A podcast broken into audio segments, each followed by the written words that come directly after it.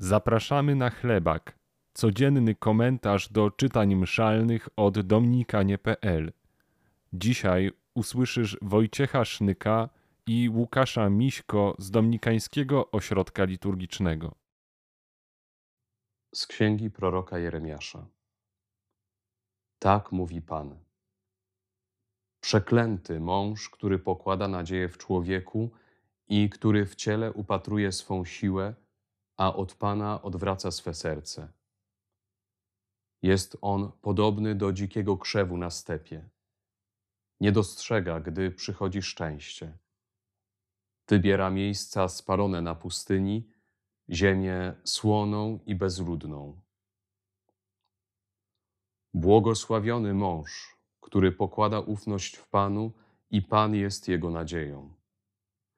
Jest on podobny do drzewa zasadzonego nad wodą, co swe korzenie puszcza ku strumieniowi.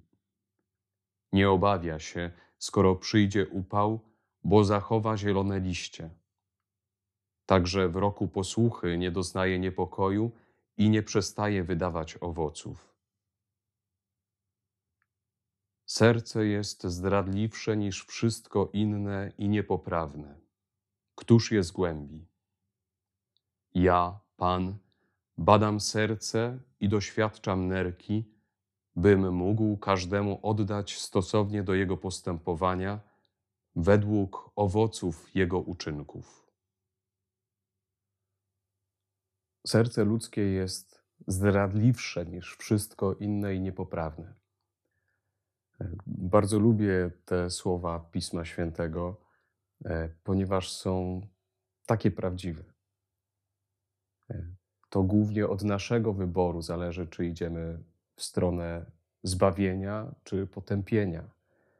E, czy przez nasze grzechy ściągamy na siebie przekleństwo i zatracamy się w nich, czy przyjmujemy błogosławieństwo Chrystus jest źródłem życia. Prośmy, żebyśmy codziennie Go wybierając, pełniąc Jego wolę, karmiąc się Słowem Bożym i przyjmując sakramenty, żebyśmy napełniali się Jego życiem.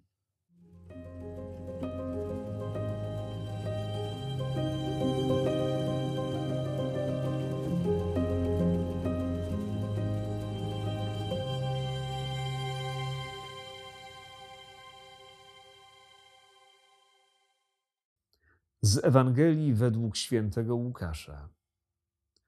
Jezus powiedział do faryzeuszów: Żył pewien człowiek bogaty, który ubierał się w purpurę i bisior i dzień w dzień ucztował wystawnie.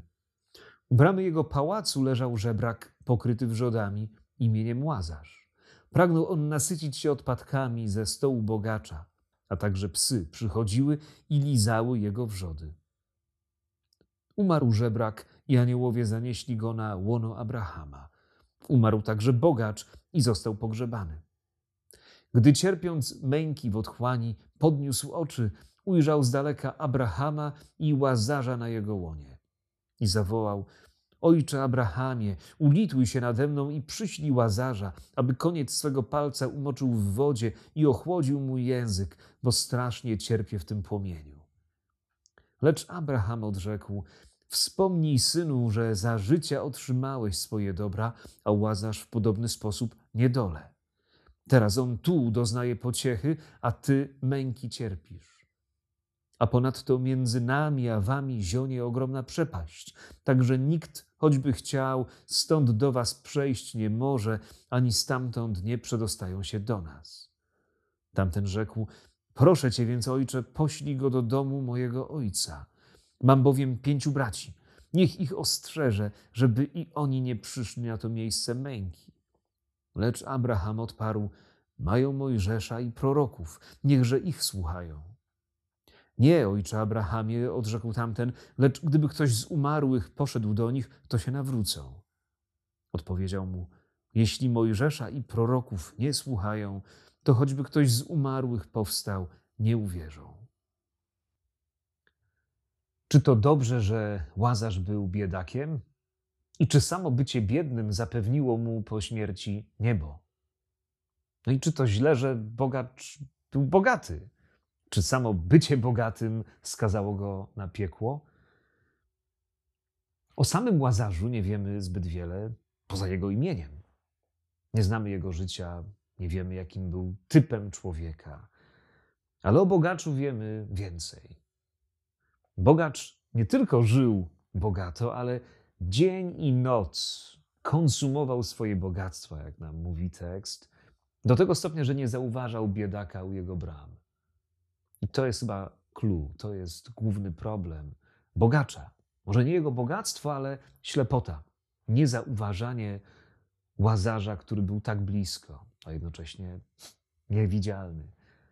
I widzimy coś jeszcze w historii, przypowieści o tym bogaczu, który już y, po śmierci z otchłani prosi, żeby ktoś z umarłych poszedł i e, ostrzegł jego rodzinę właśnie przed takim życiem e, zaślepionym, życiem niezauważającym potrzeb innych. Wychodzi wtedy y, taki fakt, że ten bogaty człowiek nie wierzy w moc prawa i proroków. Abraham mówi: Twoi bracia mają prawo i proroków, niech ich słuchają. Na co bogacz odpowiada: Ojcze Abrahamie, to nie działa. Prawo i prorocy to za mało. Niech coś nadzwyczajnego się stanie. Niech ktoś z umarłych przyjdzie. Hm. Wychodzi na to, że ten człowiek za życia też nie reagował na zwyczajne środki zbawienia, które Pan Bóg nam zostawia. Prawo i prorocy. Coś, co wszyscy mamy. My w kościele. Dostęp do słowa, do zachęty, do tego, co Bóg objawił o sobie. Czy potrafimy wykorzystać ten dar? Czy nie żyjemy trochę w taki sposób, że ta ślepota na innych, na łazarzy, na ubogich, na potrzebujących wokół nas, nie jest też ślepotą na to, co zwyczajne w Bożym przychodzeniu, przez Jego Słowo, w Jego wspólnocie, Kościele? Może to jest taki czas dla nas, żeby zapytać o naszą wrażliwość, naszą zdolność do bycia poruszonym przez rzeczy, które nam już trochę może spowszedniały w naszej tradycji wiary. Może czekamy na nadzwyczajność. Niech ktoś z umarłych przyjdzie i nas poruszy. A dzisiaj słowo mówi: patrz, ile już masz. Patrz, ile już dostałeś. Daj się temu poruszyć. Zobacz łazarza u Twoich bram i daj się poruszyć słowu, które przecież znasz.